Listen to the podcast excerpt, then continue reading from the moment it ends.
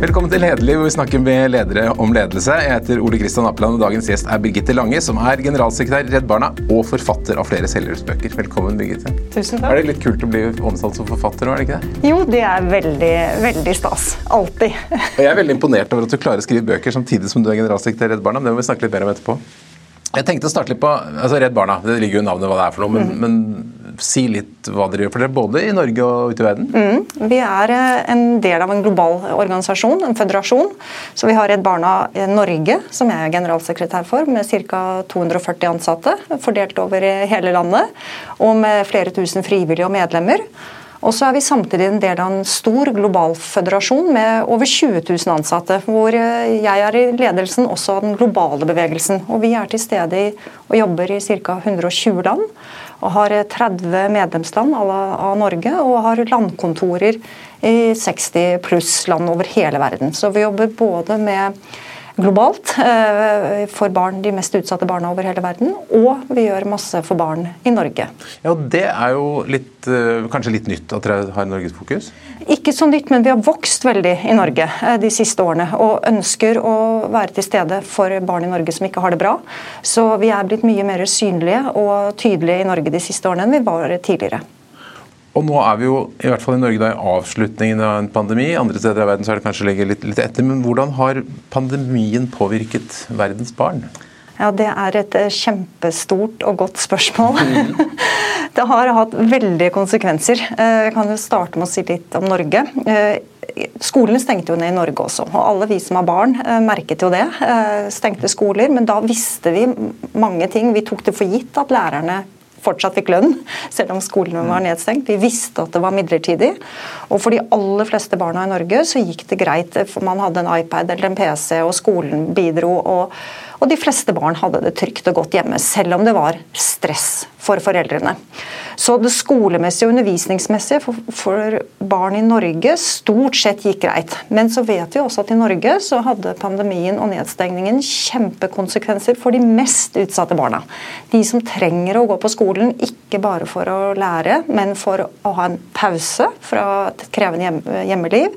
Som trenger å møte helsesøster, helsesykepleier, som trenger å snakke med PP hjelpetjenesten, som er i kontakt med barnevernet, som har kanskje én kamerat på skolen. Alle de barna som av mange grunner trenger å være på skolen, de fikk den nedstengningen store konsekvenser for. Eh, fordi du kan ikke jobbe med et barn og en familie via Teams-møter. Og Det var vårt fokus i Norge under pandemien. At skolene må i så liten grad som overhodet mulig være nedstengt. Og, og, heller at man må tenke kreativt og finne alternative måter som gjør at de mest sårbare barna fanger opp. De som blir utsatt for vold hjemme, overgrep, som har det ikke bra. Eh, og Globalt så hadde jo pandemien, og har som du også sier, pandemien helt andre konsekvenser. Og Den største overskriften der er at vi står nå i fare for å miste en generasjon barn til utdanning. For det, det som skjedde globalt, det var at der også ble jo alle skolene stengt ned. Men i motsetning til Norge så fikk mange lærere ikke lønn. Fordi disse landene, de fattige landene måtte prioritere f.eks. helsebudsjettene sine. Skolene ble stengt ned for godt. Og det som skjer da når barn ikke går på skolen i de landene vi jobber, og som vi har sett veldig tydelig under pandemien, det er at det blir flere jenter som blir giftet bort. Altså økning i barneekteskap. Det er en kjempeøkning i vold mot barn. Og det er en veldig kraftig økning i barnearbeid. Og alt det gjør at eh, når skolene gradvis åpner igjen nå, for det er jo fortsatt nedstengte skoler i mange land, og de har vært stengt ned i over et år, og veldig varierende undervisning, så er det mange millioner barn som ikke kommer tilbake til skolen. Fordi foreldrene har mistet jobben sin eh, under pandemien. De er kanskje blitt syke, de er døde. Og barna må bidra, og i nedstengningen så har de kanskje da blitt giftet bort eller begynt å jobbe og må bidra til eh, familien. Og det fins kanskje heller ikke noen skole å returnere til. Og Det er en, en, global, svær, stor utfordring. For det rammer jo ikke bare de individuelle barna og deres familier, men det blir et globalt samfunnsproblem. Og så hadde også pandemien veldig store konsekvenser for utdanning i de landene vi jobber i Afrika, Midtøsten, Asia, Latin-Amerika, ved at der norske barn kunne få en iPad eller en app eller et eller annet, så er ikke verken det digitale infrastrukturen til stede eller forutsetningene eller kompetansen hos verken enkeltindivider eller systemer. Så vi måtte jobbe med alt fra high-tech-løsninger til low-tech til no-tech. Mm. Med radioprogrammer, med skriftlig undervisningsmateriell, med uh, muntlige uh, overleveringer. Og, og, og, og, veldig mange barn fikk altså ingen undervisning i det hele tatt i det halvannet året som vi har lagt bak oss, og får det fortsatt ikke. Men da med de målene som dere har med så stor utfordring, hvordan har dere prioritert? Hvordan har du tenkt det siste året? knyttet til disse mm, utfordringene her. Både hjemme og ute og alle steder? Ja, nei, hvordan, hvordan, har dere jobbet? Ja, vi, vi, identifiserte Vi var operative fra dag én. Eh, alle på hjemmekontor, alle på Teams. Og så Eh, tenkte vi hva er det viktigste for oss nå. Da tenkte vi det er fem forhold som vi må prioritere alt i forhold til. Eh, det første er at vi skulle gjøre alt vi kunne for barn i Norge og barn globalt, men på ny måte. Altså Vi skulle ikke trappe ned virksomheten eller eh, liksom redusere ambisjonsnivået vårt, men vi skulle alternative måter å møte barn være til for barn, både på undervisningssiden, for barn i asylmottak, barn på krisesenter, helsetilbud sammen med våre lokalt ansatte globalt og våre ansatte i, Norge. Så det ble en sånn kjempeambisjon. Vi skal ikke eh, trappe ned innsatsen vår for barn, snarere tvert imot. Vi trengs mer enn noensinne.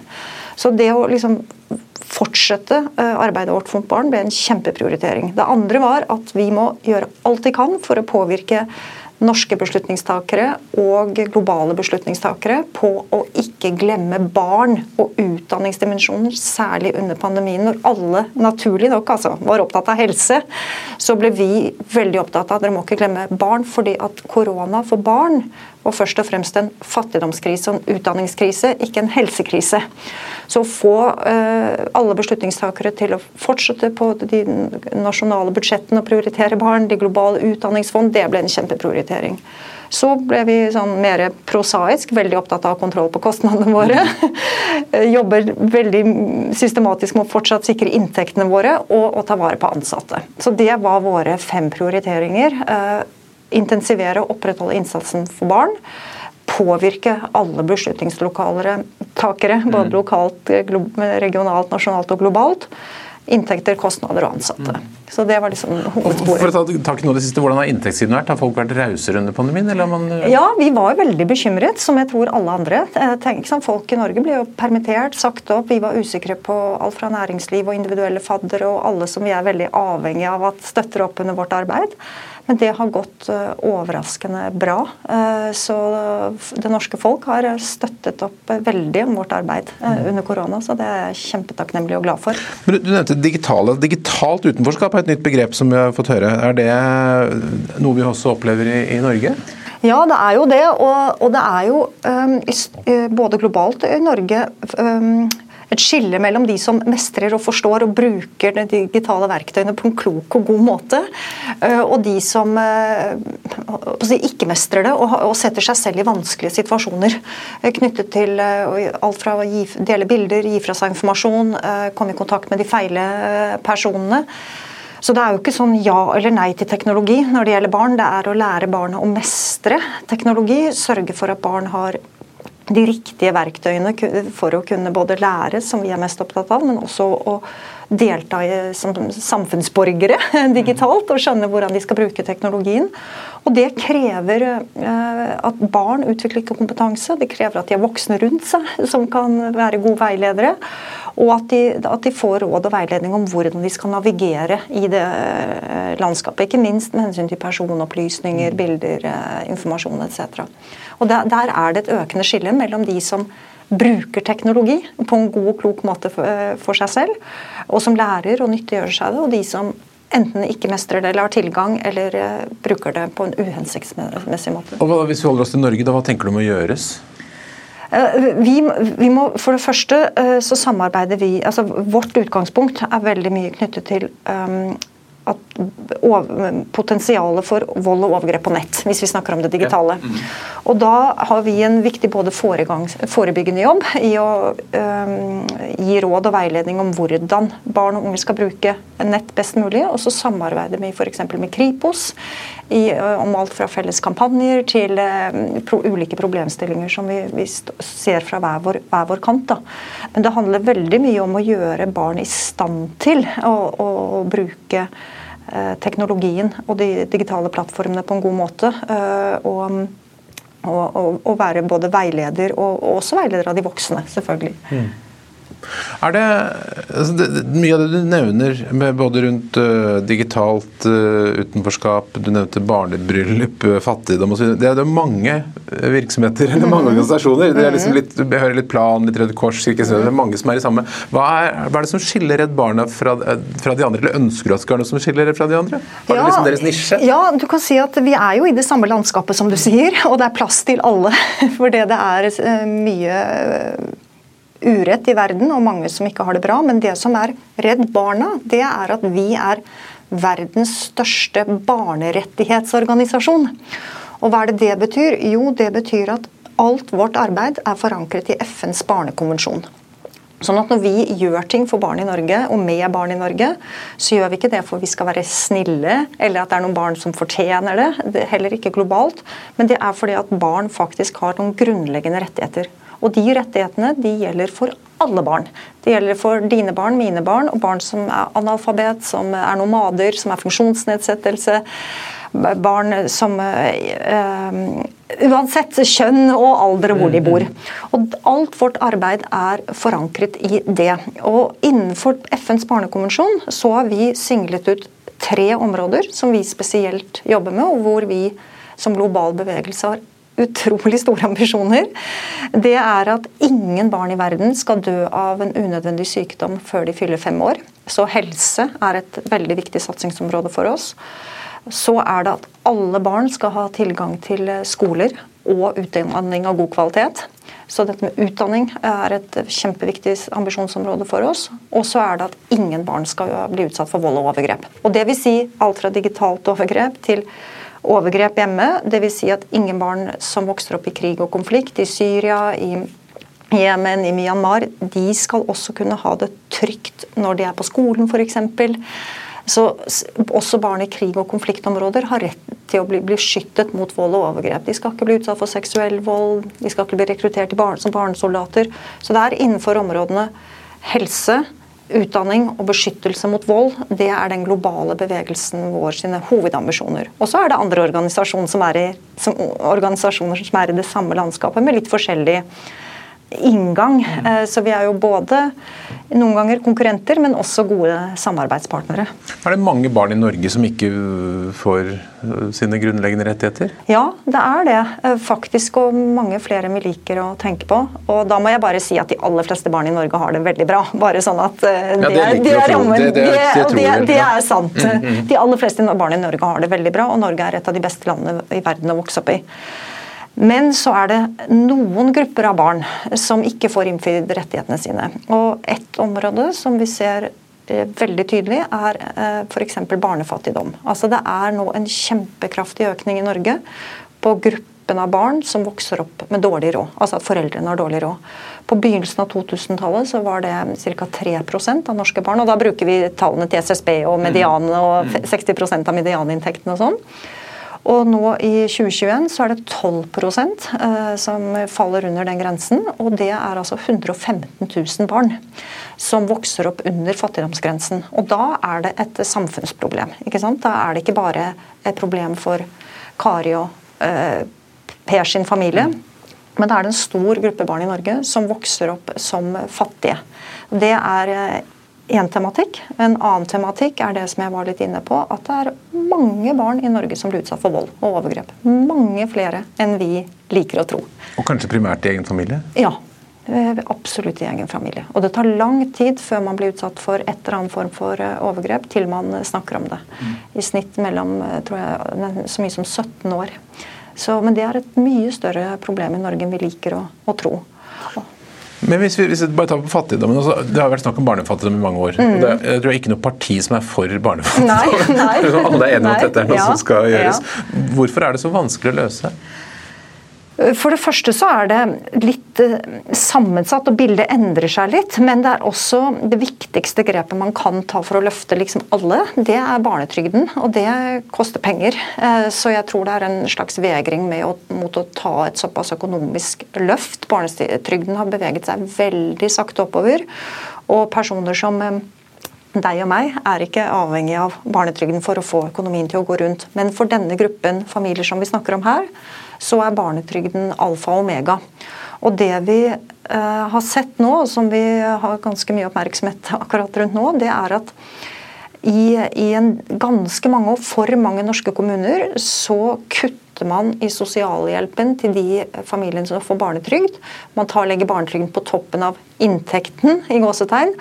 Sånn at de familiene som trenger barnetrygden aller mest, eh, får den ikke. på en måte, Eller de får kutt i sosialhjelpen. da, Så man tar fra de fattigste og gir til kommune, kommunekassa. Og det Kommunene sier at de liker ikke å gjøre det sånn, men det er dårlig kommune, nei, ja, trang, trang kommuneøkonomi som gjør at de føler seg tvunget til det. Og Det er for meg et sånt utrolig lavthengende frukt som um, nye regjering nå da, uh, lett kunne ha endret på. Hvor de både kunne sagt at det får man ikke lov å gjøre. Uh, alle Eh, barn har rett på den barnetrygden, og det skal ikke komme, sosialhjelpen skal ikke komme til bli redusert for de familiene som mottar barnetrygd. Og eh, så kan man være et spleiselag mellom stat og kommune for å få rettet opp da, i de kommunene som har veldig trang økonomi. Men jeg syns det er veldig tankevekkende at den gruppen familier som trenger denne støtten mest, at det er det som blir salderingsposten på et eh, kommunebudsjett. Og behovsprøving av barnetrygd er det vel ikke noe klima for? Nei, det er det ikke noe klima for. og det er Forskning som viser også at de ordningene som er universelle, altså som da gis også til personer som deg og meg, alle får jo barnetrygd, det er de ordningene som står seg mest over tid, og som er mest robuste. Og, og, så viser det seg også at de aller fleste bruker barnetrygden på det den er ment som, men det er klart det kan virke kanskje provoserende at mange som ikke trenger barnetrygden, får det. Men øh, vi i Redd Barna tenker at det er en veldig viktig universell ordning, fordi det er den som da står den seg over tid. Alle behovsprøvde ordninger har ofte en tendens til å fort uh, bli fjernet hvis det er dårlig økonomi. Og sånn. Eh, og, det, er en ordning som også ikke er stigmatiserende. ikke sant? Alle får barnetrygd. Du har ledet Redd Barna siden 2018. Før det så var du assisterende i Utlendingsdirektoratet, og så var du et ekspedisjonssjef i Kulturdepartementet. Så vet jeg at Du er veldig opptatt av ledelse, du skriver om ledelse i Dagens Næringsliv osv. Hvordan eh, tenker du at du vil være som leder av Redd Barna? Har du en lederfilosofi? Ja, det var jo et lite spørsmål. Mm -hmm. Jeg er veldig, som du sier og skjønner, glad i å være leder, hvis jeg kan si det sånn. Jeg syns det er veldig gøy å være leder, og hvorfor syns jeg det? Eh, det korte svaret er fordi jeg eh, opplever at ved å få muligheten til å være en del av en ledergruppe, kunne lede sammen med andre, så får jeg en mulighet til å få veldig flinke folk til A å jobbe sammen, eh, forhåpentligvis på en god måte, til det samfunnsoppdraget da, som jeg i de virksomhetene jeg har vært i, har. Og å få til det, få til det samspillet, få hver enkelt person til å bidra med alt det han hun har, og få en gruppe til å fungere, få en organisasjon til å levere, på det jeg opplever både Redd Barna, UDI og Kulturdepartementet har som leveranser, det gir meg veldig mening. Eh, å jobbe sammen med andre for å få til en endring i verden for de forskjellige organisasjonene jeg har vært en del av. Og Hvordan vil du være som leder for dine medarbeidere? Jeg håper at jeg er eh, en leder som lytter. Eh, at jeg er en leder som det er enkelt å forholde seg til. Eh, at det er samsvar mellom hva jeg sier og hva jeg gjør. Eh, og hvor det er trygt å relatere seg til meg. Mm. Og at man kan få eh, greie og tydelige svar. Og at jeg er en leder som vil noe med det jeg holder på med. Altså at jeg er en leder som er der for en grunn. Som vil noe med lederskapet mitt. Og at det gjenspeiles i hvordan jeg er, oppleves som leder fra de andre. Mm. Du har skrevet som jeg nevnte, selvhjelpsbøker, hvordan man skal få et godt liv. Hvordan får man et godt liv som leder? For Jeg tror mange ledere ikke nødvendigvis har så veldig godt liv. Mange sliter litt med det. Ja, det vet jeg ikke, for jeg vet jo bare hvordan det er for meg. og alle er jo forskjellige, og det ser jo jeg i de ledergruppene jeg har vært en del av også, der folk eh, håndterer det veldig ulikt hva de trenger, både i forhold til arbeidsmengde, balansen i jobb, fritid, hva som gir energi, som, eh, hvordan, de, hvordan, de, liker å jobbe. Så det er jo ikke noe fasitsvar på det. Men for meg har, så har det handlet veldig mye om å være veldig bevisst mine prioriteringer i livet. Eh, og det, Jeg har tre barn eh, i aldersspennet nå 12 til 30, så jeg har vært mamma i mange år. Mm. Delvis også alenemor i mange av disse årene. Og det er ikke sant, Barna kommer alltid først. Min egen helse kommer først. Eh, og så er det jobben. Og så er alt annet det som det er tid til. Eh, og for meg, så, som du var litt inne på, jeg er en person som trenger i gåsetegn, liker å holde på med litt forskjellige ting. Det gir inspirasjon, det gir energi. Eh, og det gjør meg eh, tilfreds. Eh, sånn at å ha en sånn veksels... Eller litt inspirasjon fra andre ting enn det som er liksom helt i kjernen av lederoppgaven til enhver tid, det har i hvert fall gjort at jeg har fått den energien, inputen, hele tiden som gjør at jeg i alle år egentlig har trivdes veldig godt i de jobbene jeg har. Uh, og så For meg er det viktig med Jeg trenger å sove mye, hvile meg. altså og Ta vare på, på helsen. da. Hvordan, jeg tror alle er enig i at man burde gjøre de tingene. Det er ikke mm -hmm. så lett for alle. Hvordan gjør du det i praksis? Er du sånn som låser opp da, gitte tider til f.eks. familieliv? Ja, ja, ja. Og så ser jeg, altså, driver jeg altså, Folk er forskjellige med interesser og sånn, men jeg går lite ut på, om kveldene f.eks. Mm. Eh, jeg er veldig lite praktisk interessert, for å si det sånn. Driver lite med oppussing, lite med shopping, eh, lite med broderi. Ikke sant? Altså, mm. Det er konsentrert da, eh, hva jeg bruker tiden min på. Så det er mye som andre gjør som jeg ikke, ikke driver med. Eh, men, men, du klarer altså da å skrive bøker. Du har skrevet fire bøker over, over noen år. da. Mm. Uh, og uh, jeg er jo ganske imponert over at du klarer å få til det, for jeg vet at det tar tid å skrive bok. Hva er hemmeligheten for de, for de av våre lyttere som har lyst til å skrive bok? Det er jo fordi at jeg syns det er innmari gøy. Det er jo bare lystbetont. Det er ingen som har bedt meg om å skrive noen bøker noen gang. Det er, Jeg er veldig glad i å lese og veldig glad i å skrive. Det er min passion, min hobby. Eh, min lidenskap. Eh, og da, da, Jeg har utrolig stor glede av selve prosessen med å skrive, med å finne ut av ting. Eh, bøkene mine er jo sakprosabøker, det er ikke romaner. så Det betyr at det har vært masse research, intervjuer, lesing, og det har jeg en utrolig stor egen glede av. Det er hobbyen min, hvis man kan si det sånn. Og da har jeg stor glede av å gå og tenke på dette her, skrive litt her, skrive litt der, og så ja, eh, På samme måte som andre kanskje driver med fotografi eller uh, lager gode middager eller uh, går på kokkekurs. da. Så... Og det, det, er jo liksom, Alle ligger i, i, eller mer eller mindre i den selvhjelpssjangeren. Jeg tenker, Nå snakker vi litt om hvordan man skal få et godt liv som leder, men hvordan, kan du, hvordan bidrar man som leder best til at dine medarbeidere får et godt liv? Ja, Det er et kjempebra spørsmål, syns jeg. Og et spørsmål hvor det ikke er en fasit fordi folk er utrolig ulike. Ikke sant? Nå jobber jeg i en organisasjon med veldig kompetente mennesker som er utrolig fremoverlent, og som har en, et utrolig sterkt engasjement for jobben sin. Fordi situasjonen for barn er sånn som den er i verden. Og De 240 menneskene har veldig ulike behov for hva de trenger for å kunne ha det bra på jobben. Og jeg kjenner ikke alle de 240 så godt heller, og jeg har ikke personalansvar selvsagt for dem. Men jeg er opptatt av at vi skal være en arbeidsplass hvor det er godt for alle, hvor det er godt arbeidsmiljø, hvor det er mulig å ha en balanse mellom jobb og fritid. Vi har selvfølgelig medarbeiderundersøkelser, vi har pulsmålinger. Vi, vi jobber veldig med våre ledere for å gjøre dem uh, til fortsatt være trygge personalledere. Under korona prøvde vi å følge veldig, veldig tett opp. Uh, sånn at det er et veldig viktig område for meg å følge med på hele tiden.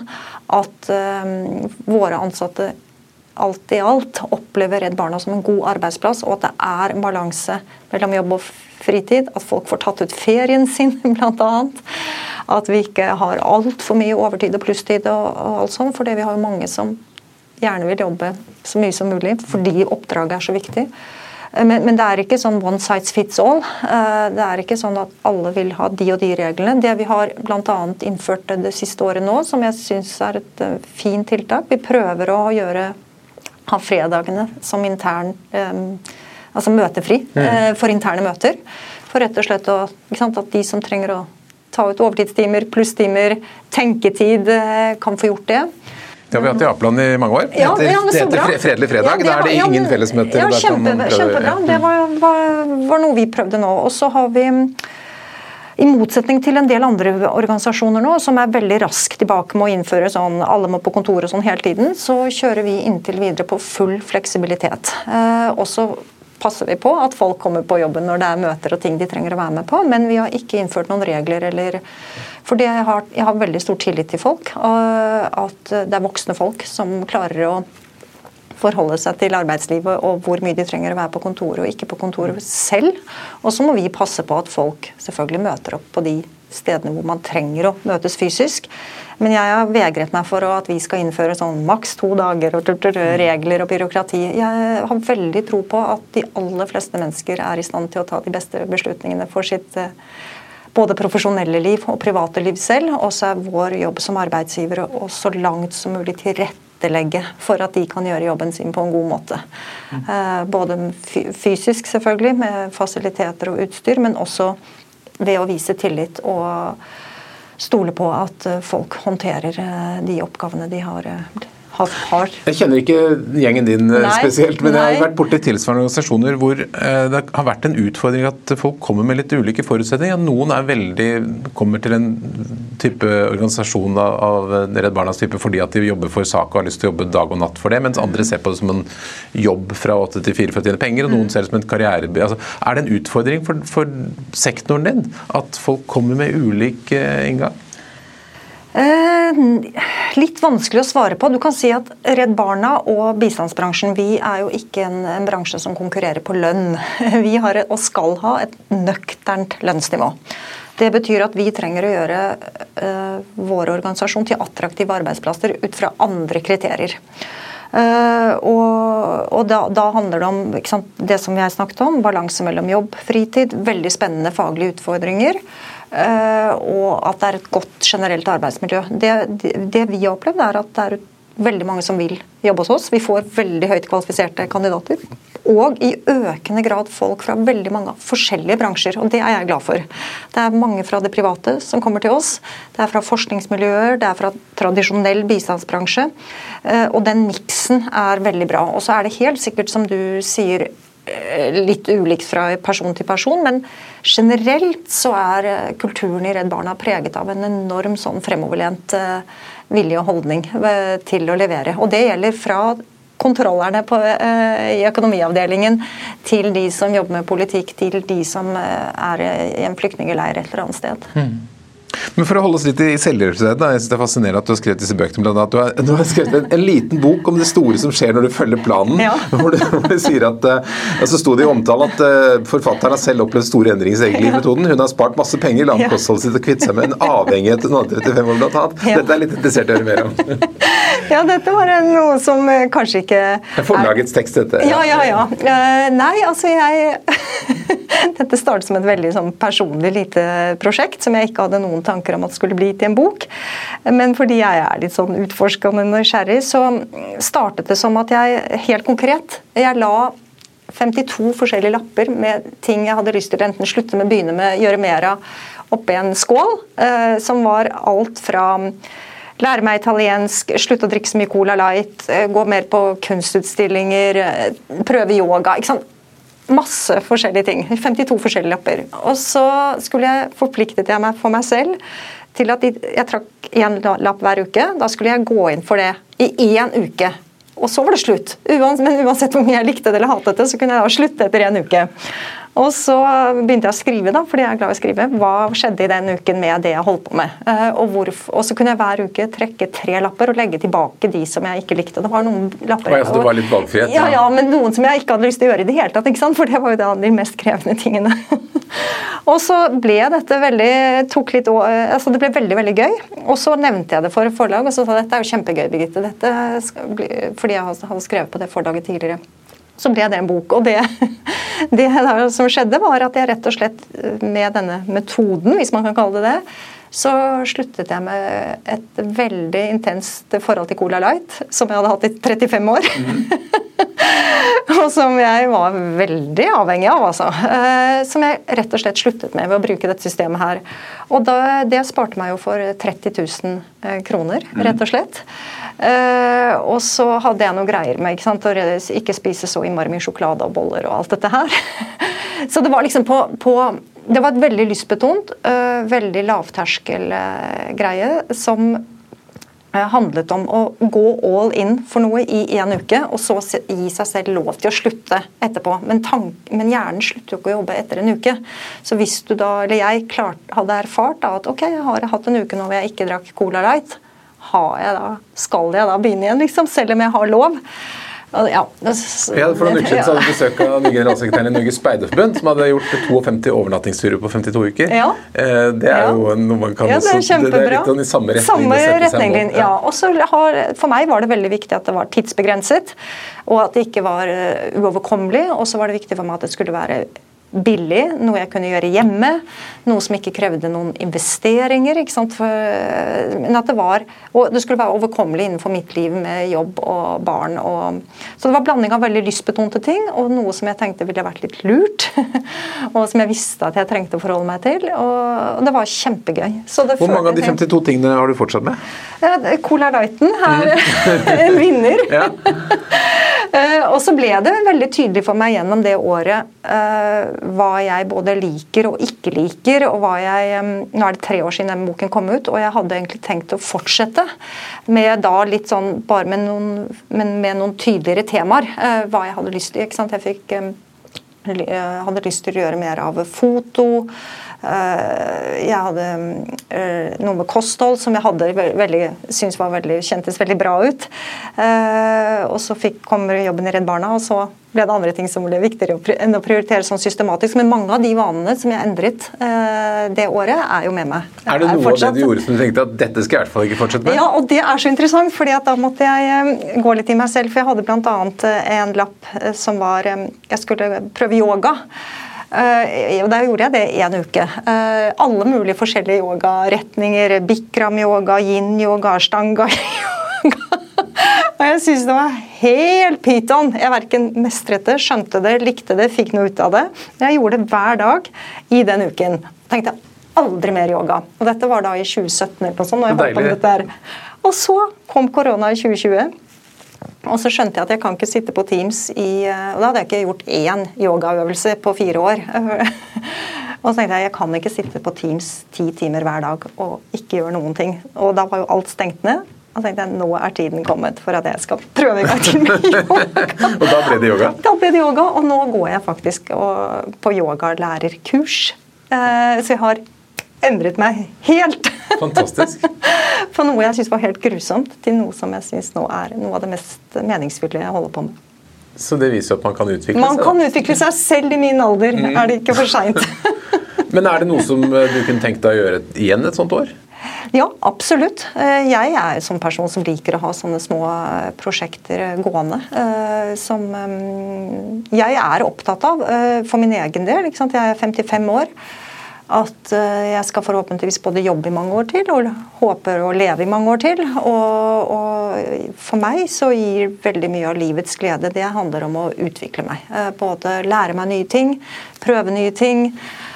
Gå litt ut av komfortsonen. Eh, ikke bli veldig sånn fastlåst i et eller annet mønster.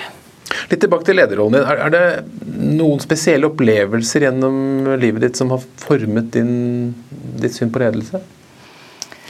Ja, det er det, jeg, det, tenkte jeg litt på før jeg kom inn her. Og um, jeg tror jeg kan trekke frem to, to uh,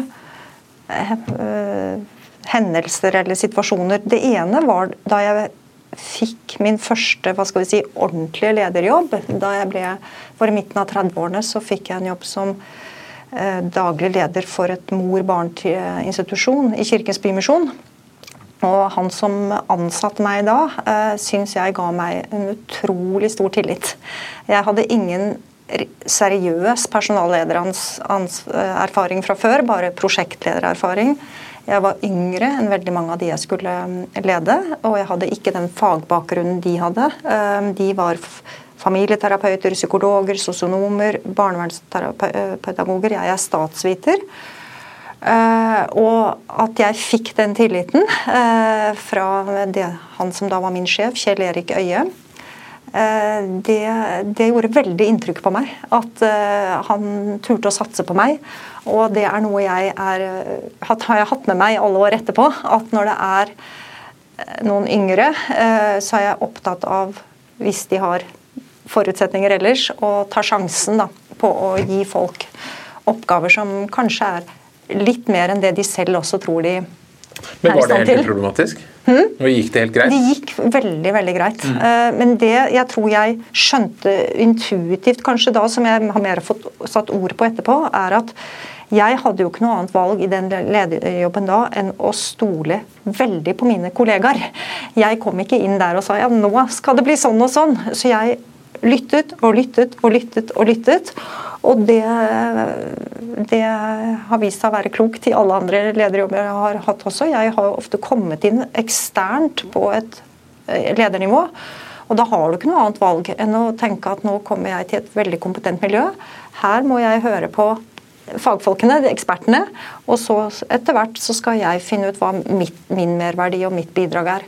Og det var, min, det var jo ikke en gjennomtenkt strategi fra meg da jeg fikk min første lederjobb, men det, det var en helt nødvendighet. Og det var, var, jeg kjempeglad for, for det er jo flinke folk overalt. Og det var det i Kirkens Bymisjon òg. Det var en utrolig kompetent gjeng. Eh, den andre mm, hendelsen som, eh, som jeg i ettertid er veldig takknemlig for å ha fått lov til å være med på, det var under flyktningkrisen i 2015 da jeg var assisterende direktør i UDI, når det kom 30 000 syriske asylsøkere til Norge i løpet av to måneder. Det var jo ikke en krise for UDI eh, eller det norske myndighetsapparatet, det var jo en krise for flyktningene eller asylsøkerne. Men å få lov å være del av en toppledergruppe i en så spesiell situasjon, eh, som utfordret hele det norske forvaltningsapparatet. Politi, utlendingsmyndigheter, helsemyndigheter, barne- og familiemyndigheter, utdanningsmyndigheter, statsministeren, russiske grensen. Eh, som satte hele apparatet på prøve. Og får lov til å være en av flere eh, som forsøkte å få dette her til å gå i hop, det mm, var en eh, veldig flott opplevelse, syns jeg. Hva lærte du av det? Eh, mange ting, tror jeg. Eh, det ene var eh, betydningen av å Det blir litt i tilfeldig rekkefølge, selvfølgelig, men mm. det å kunne tulle og tøyse underveis. Fordi det var jo en gravalvorlig situasjon, men at vi f.eks. ledergruppa i UDI kunne ha humor, lave skuldre liksom møte hverandre som mennesker likevel og ikke være oppjaget. Det andre er hvor vanskelig det kan være å si, og det er kanskje litt i din bransje, når er det en krise? Asylkrisen var ikke en brann fra en dag til en annen. Det var en eskalerende situasjon hvor det var vanskelig å si nå er vi i krise, nå er det krisestab, nå er det andre mekanismer som trår til. Det syns jeg var veldig lærerikt i forhold til hele tiden vurdere både tiltaksnivå og kommunikasjonsnivå eh, med noe som gradvis utvikler seg, og som man ikke vet om er slutt i morgen, eller som er på vei opp. Vi visste jo ikke de månedene om, om det kom til å komme enda flere, om vi hadde nådd toppen, eller om vi var på vei ned. Eh, så det var eh, kjempelærerikt, også i etterkant nå. Jeg har ikke sånn, vært i en sånn tilsvarende krise nå, men å ha med seg alle de perspektivene fra det. Og også behovet for å be om tilgivelse mer enn tillatelse. Eh, det var mange situasjoner underveis den høsten hvor UDI vi var nødt til å handle. Vi hadde definert det veldig tydelig hva er det viktigste nå. Jo, det er å gi alle som kommer, tak over hodet. Ingen som kommer til Norge skal måtte sove ute. Og da trumfer det en del andre ting. Og så må du heller etterpå si at vi måtte løse det sånn, de måtte bo der den natten, de måtte bo der. Og også ekstremt behov for uh, kommunikasjon. Altså, uh, mye av min rolle var å perioder i hvert fall, ha veldig tett dialog med Helsedirektoratet, med Barne- og ungdomsdirektoratet, politiet. Uh, og overload av informasjon, mm. og hvor nødvendig det var. å informere, informere og informere og sikre informasjon på tvers av offentlige myndigheter. Det var mange, mange forhold, men å få lov til å være en del av det den hendelsen da, i Norge. Eh, det var eh, flott. Det er ganske gjennomgående blant eh, gjester i Lederliv at det å ha vært med på ulike former for kriser og gir mye god mm. læring rundt ledelse. Ja. Du har jo skrevet en kronikk i DN om tre erfaringer om ledelse under korona. Hva, du kan få lov å gjengi hovedpunkter. Hva, hva føler du at Litt fritt fra det, da. Hva har du lært selv av ledelse under korona? Eh, for det første så har jeg erfart, og det er jo den jobben som jeg har nå i Redd Barna, at folk står på som bare det under korona. Mm. Eh, folk bidrar, eh, yter, vil gjøre noe, vil levere. Uten unntak. Så det andre er at det som er limet i en organisasjon, smalltalken, kaffepraten, til og fra møter i ganger, det forsvinner jo helt. Sånn at på, Hos oss i hvert fall så, så vi at innenfor en avdeling så fungerte samarbeidet godt. Og innenfor en seksjon. Men alt det som er nødvendig litt sånn på tvers, det var mye vanskeligere å få til. For det oppstår jo gjerne litt uformelt. Eh, at man møter og sier du, ja, vi må snakke sammen. Ja, ok, vi tar fem minutter her. Eh, det, det strevde vi med, å få til den der gode flyten på tvers. Og så er det jo sånn at eh, Fra mitt ståsted så krympet organisasjonen. fordi at min hverdag er så full av møter at det er de jeg har møter med, som blir eh, Redd Barna for meg. Og alle de jeg ikke har møter med, de blir litt utenfor synsfeltet. Men som leder av hele organisasjonen så trenger jeg å møte alle i større eller mindre grad. Og det er jo ingen som sender meg en vits på Teams eller ber om fem minutter for å sludre. Mm. Selv om vi prøvde å kompensere for det. Vi hadde en sånn åpen halvtime på Teams en gang i uken. Jeg inviterte til noen kaffeprater. Vi prøvde å kompensere, og vi hadde også en del fysiske treff innenfor de reglene som smittevernreglene sa. Vi hadde tur i Frognerparken med boller og kaffe, tur i Ekebergparken. Men det syns jeg var en utfordring fra et lederperspektiv, at jeg fikk eh, mindre input fra større deler av organisasjonen enn jeg får når vi kan eh, møtes eh, fysisk. Sånn at det ble en eh, det ble veldig effektiv eh, organisasjon. Men, men, at det som er litt sånn limet og på tvers, det ble, ble, litt borte. Og så ser vi også at, det tror jeg nesten alle erfarte, at det kreative forsvant litt. Mm. Vi ble veldig beslutningssterke, og alt tjo, tjo, tjo, men de gode, liksom, litt sånn drodle, tenke høyt litt utenfor, det klarte vi ikke å få til på samme måten. Du driver jo i en bransje med, med mye trist og mye nød og elendighet. Hva er, liksom, hva, hva, hvordan klarer dere å, å, ta seire og feire glede? Og, altså når, når, har dere vunnet? på en måte? Ja, Det er kjempebra at du spør om det. det er, vi er jo utrolig viktig, viktig, opptatt av det. Å feire. De fleste er opptatt, ja. de fleste er opptatt av å lykkes på en måte. Ja, og vi er altså på både det lille nivået, det store nivået, er vi innmari opptatt av det. Vi er, for å starte, liksom, vi er opptatt av å feire med kaker og boller, holdt jeg på å si. Når vi får et oppdrag, når vi får en kontrakt, når vi når et mål, eh, så feirer vi. Eh, og det, før korona så feiret vi det med marsipan og Twist og, og alt sånt. Så er vi opptatt av å vise frem resultatene våre, eh, både internt og eksternt. For vi får jo til veldig mye i det arbeidet vi gjør. Vi hjelper veldig mange barn. Og vi tracker dette veldig systematisk, både i forhold til oss selv, i forhold til Norad og UD, som er våre største donorer, og de globale donorene, sånn at vi får vist frem at det gjør en forskjell, det vi gjør. Og så er vi også veldig opptatt av, eh, og det gjelder jo eh, først og fremst meg og de andre i organisasjonen som er i media, at når vi er ute og snakker om det vonde og det vanskelige, som du sier, så skal vi også si noe om eh, hva kan vi gjøre, og hva er det vi bidrar med, og hva skal til. At, at det er, for det er alltid håp, det er alltid muligheter, det er alltid noe vi kan gjøre og andre kan gjøre. Og det er en kjempeviktig del av vårt arbeid å hele tiden peke på løsningene. Eh, og det er mye å feire. Altså. Er, eh, senest nå på fredag så vedtok FNs sikkerhetsråd for første gang i historien en resolusjon som skal sikre barns beskyttelse eh, i krig og fred. Eh, og det, det kan virke som en sånn litt teoretisk resolusjon, men det er et gjennombrudd. Så det er liksom små og store seire eh, hele tiden, og det, det prøver vi å, å, legge så mye vekt på som vi kan. Og hva er det vi alle kan gjøre, bortsett fra det selvfølgelig sikkert å begynne å gi penger til Redd Barna? Ja, ja, det kan i hvert fall alle gjøre. men, men sånn ellers, hvis vi tenker på barna i vårt eh, kanskje ikke egne barn, men sånn i nærmiljøet. Hva bør vi voksne tenke på for å, være, for å bidra til at barn i Norge skal få det bedre? Det er veldig mange ting alle kan gjøre. Eh, helt avhengig av hva slags kapasitet og interesse man har. Man kan melde seg inn i en organisasjon. Og der Hvis man melder seg inn i organisasjon, det trenger ikke å være Redd Barna, så kan man da som regel både engasjere seg i direkte arbeid med barn. Det kan være barn på krisesenter, asylmottak.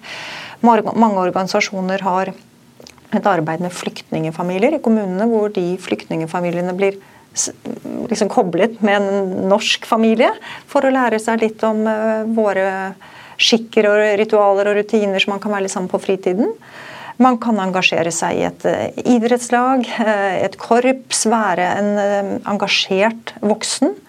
Man kan også melde seg i en organisasjon hvis man har lyst til å bidra med politisk påvirkning. Skrive lesebrev, være med i ulike kampanjer, skrive under opprop. Eh, det er utrolig mange måter å engasjere seg eh, på. Eh, tilpasset det interessen og kapasiteten man har. Og det trengs i Norge at flere voksne engasjerer seg. Både politisk og direkte i arbeidet for, for de utsatte barna.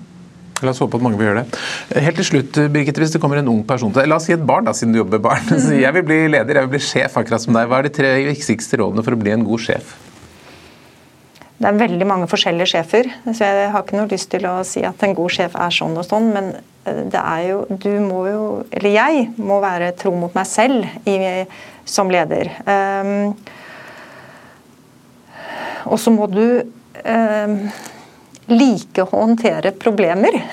Det er jo en del av en leders oppgave. at uh, at du får en eller annen problemstilling, og om det er med mennesker eller penger eller andre ting, så må du like og ha lyst til å prøve å finne en løsning. Uh, og må, og, men det aller, aller viktigste for meg i hvert fall, er at du må være glad i mennesker.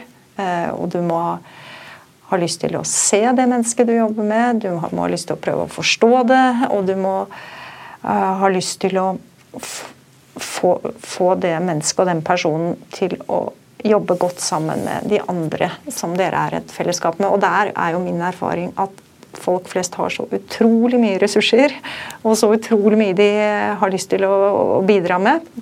Og at min eh, jobb er å tweake og justere og få dette maskineriet da, til å, å, gå sammen. Og det for min inngang i hvert fall har vært eh, menneskebiten hele veien. Eh, nysgjerrigheten og interessen for hvem jeg har foran meg. Fin avslutning. Tusen takk for at du kom til Lederliv, Birgitte Lange. Tusen takk for å bli invitert.